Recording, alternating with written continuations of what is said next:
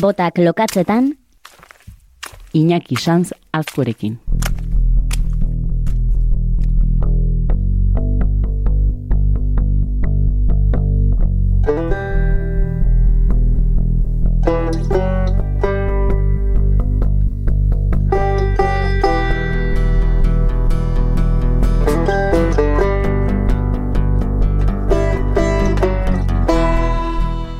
Egonarri ikaragarria du bezi, begi ezin zorrotzagoa, basagune ditu etxetzat eta zueltzerako bera hor dago.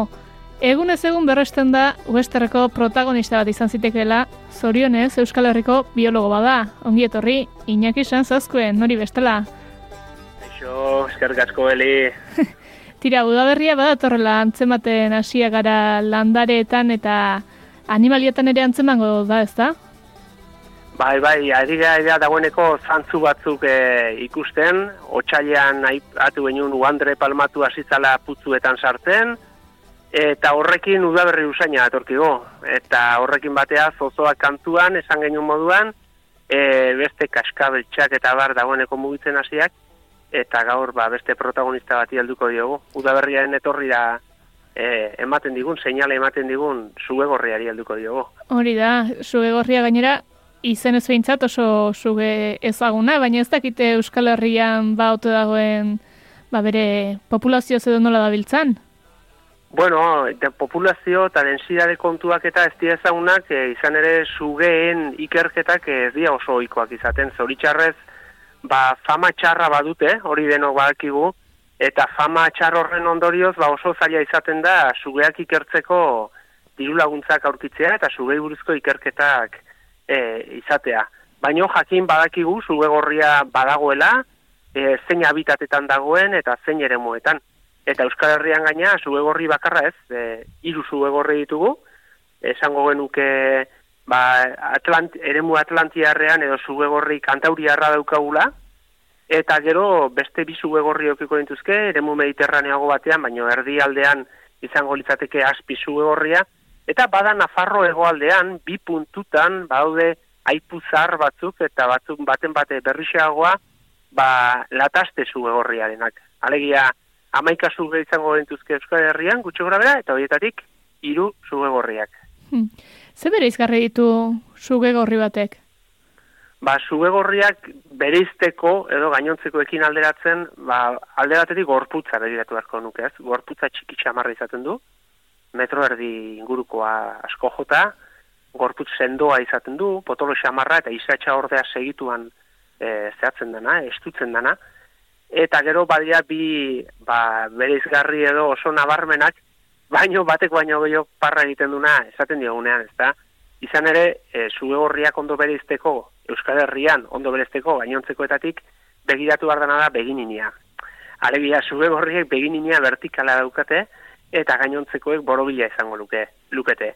Baino, esan duten moduan, ba, jendeak esaten dugu, karo, eta hortarako zein bardez, zenbateraino gerturatu garten dik zube gorrira, ez?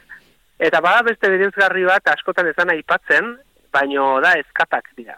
Eskatek e, burua, buruko eskatek zuge horrietan korputzekoen tamaina beretsua izaten dute.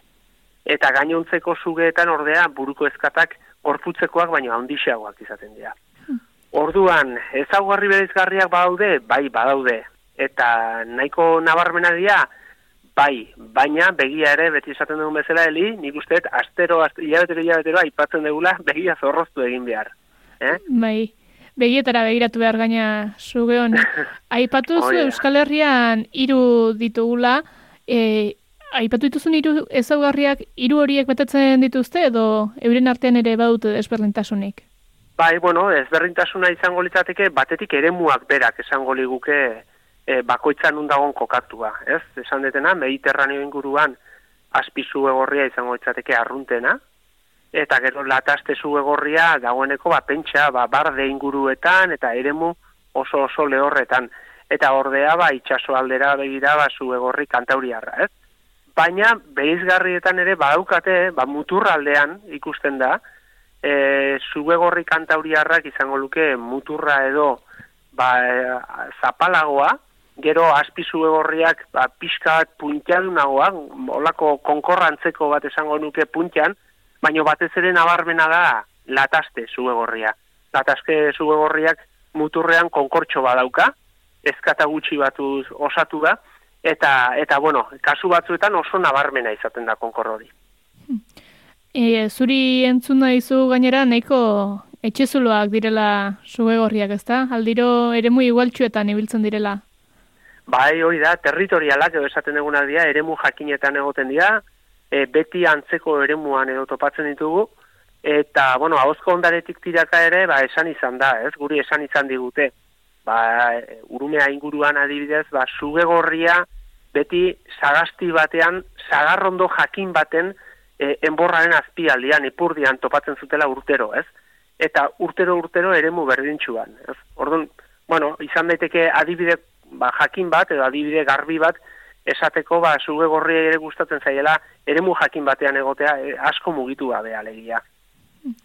E, suge gorriak e, zergatik ateratzen dira orain martxoan edo aipatu dugu lehenengotariko sugeak direla, orainik ez dela suge garaia hasi behintzat, zer dela eta mhm. da suge gorria martxoan ateratzen den horietakoa?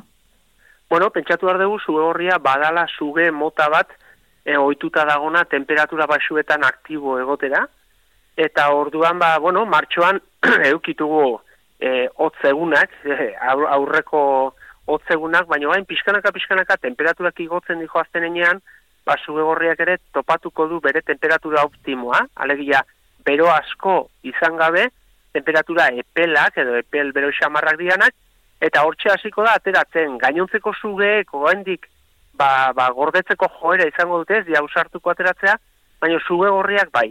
Gero ordea, udan aurrea, udan aurreagoa zenean, udaberrian aurreagoa zenean, konturatuko bera, suge gorriak man, bere guztokoak dituen, temperatura horiek izateko, ba, aktivitatea egunean zeharrere aldatu egiten dula.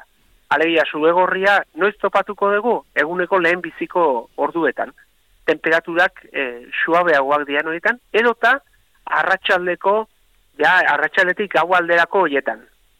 Bero zapa handia dago neguerdiko orduetan ez dugu tupatuko normalian zue gorririk. Ez baldin bada, ba, gordeta egon dala eta momentu ben batean ateratzen dala. Ugalgareia inakin noiz izaten dute zue gorriak?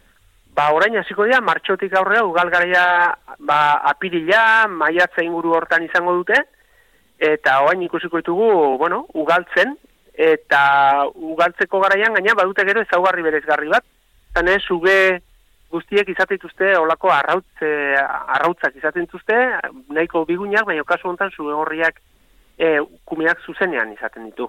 Eh? Eta ordu hori bada biologiaren berizgarri bat gainontzeko zugeetatik. Hori ordea ikustea zailago izaten da, eta horregatik ez dugu ematen beste zugeetatik bereizteko ezaguarri moduan. Eta ikusteko zailagoa izango da hori, baina zuge ikusi ikusten dira, ikusten dugu, bat ikusten dugunean zer egin beharko genuke? Bueno, guk beti esaten dugu, arantza dizintziak arteko erpetologia sailetik, beti esaten dugu, lehenbiziko gauza ez zuge gorriakin bakarrik, baizik eta zuge guztiekin egin bardana behin ikusita, distantzia bat mantendu, eta gero, ba, ba distantzia horretatik, ziurta, seguritate distantzia horretatik, bai beranentzat, eta bai guretzat, ba, ba ikusi, ikasi ere, ezaguarra dituzten, eta albada etxean gero konsultatu, horrela ikasten delako. Zugei, e, errespetua sortzaile, ez beldurra, errespetua eta hortarako distantzia batetikan e, begiratzea beti komeni da. Norbaitek esango digu noski, zu horriak pozoia duela eta arriskutsua dela eta bai, egia da, e, egia da ere Euskal Herrian oso gutxi izaten diala e, istripuak edo zuegorrekin, eta istripua izan dut normalean horrela izaten delako. Zuegorri batek gizakia ikusten du momentuan, edo sumatzen du momentuan, e, alde egiteko joera du azube gorriak pozoi erabiliko du azkeneko e, arriskuaren azkeneko aukera moduan. E, pozoia dauka batez ere harrapakinak harrapatzeko, eta zube gorriak behin bere burua ikusten dunean alde egiteko aukerari gabe hortu egingo du e, hainka egiteko e, zea, ez joera. E, nola gertatzen dira orduan istripu gehienak? Ba, esan dudan bezala istripu moduan. Pentsa, ba, aitzurra lurrean dagola, edo eta harri bat altxatzeragoa zela, eta kasualitatea zuge zeu ikusi, eta eskua jartzeagoa zen momentuan, zuge pentsatzen du bera hartzeagoa zela. Kasu horiek izaten dira, eta kasu horietan gainera gaur egun ba, joera e, hori da, ez? E, ospitalera joan eta bertan ba antidotoarekin normalean ez da arazorik izaten. Bueno, ba, ea ez dugun ospitaletara hurbildu beharrik, segurtasun distantzia hori mantenduko dugu, baina adi biliko gara, ea martxu inguruan, ba, gorriak ikusteko aukera suertatzen zaigun. Eskerrik asko, Inaki, beti bezala, gurean izateagatik. Eta eskerrik asko zuei, ele.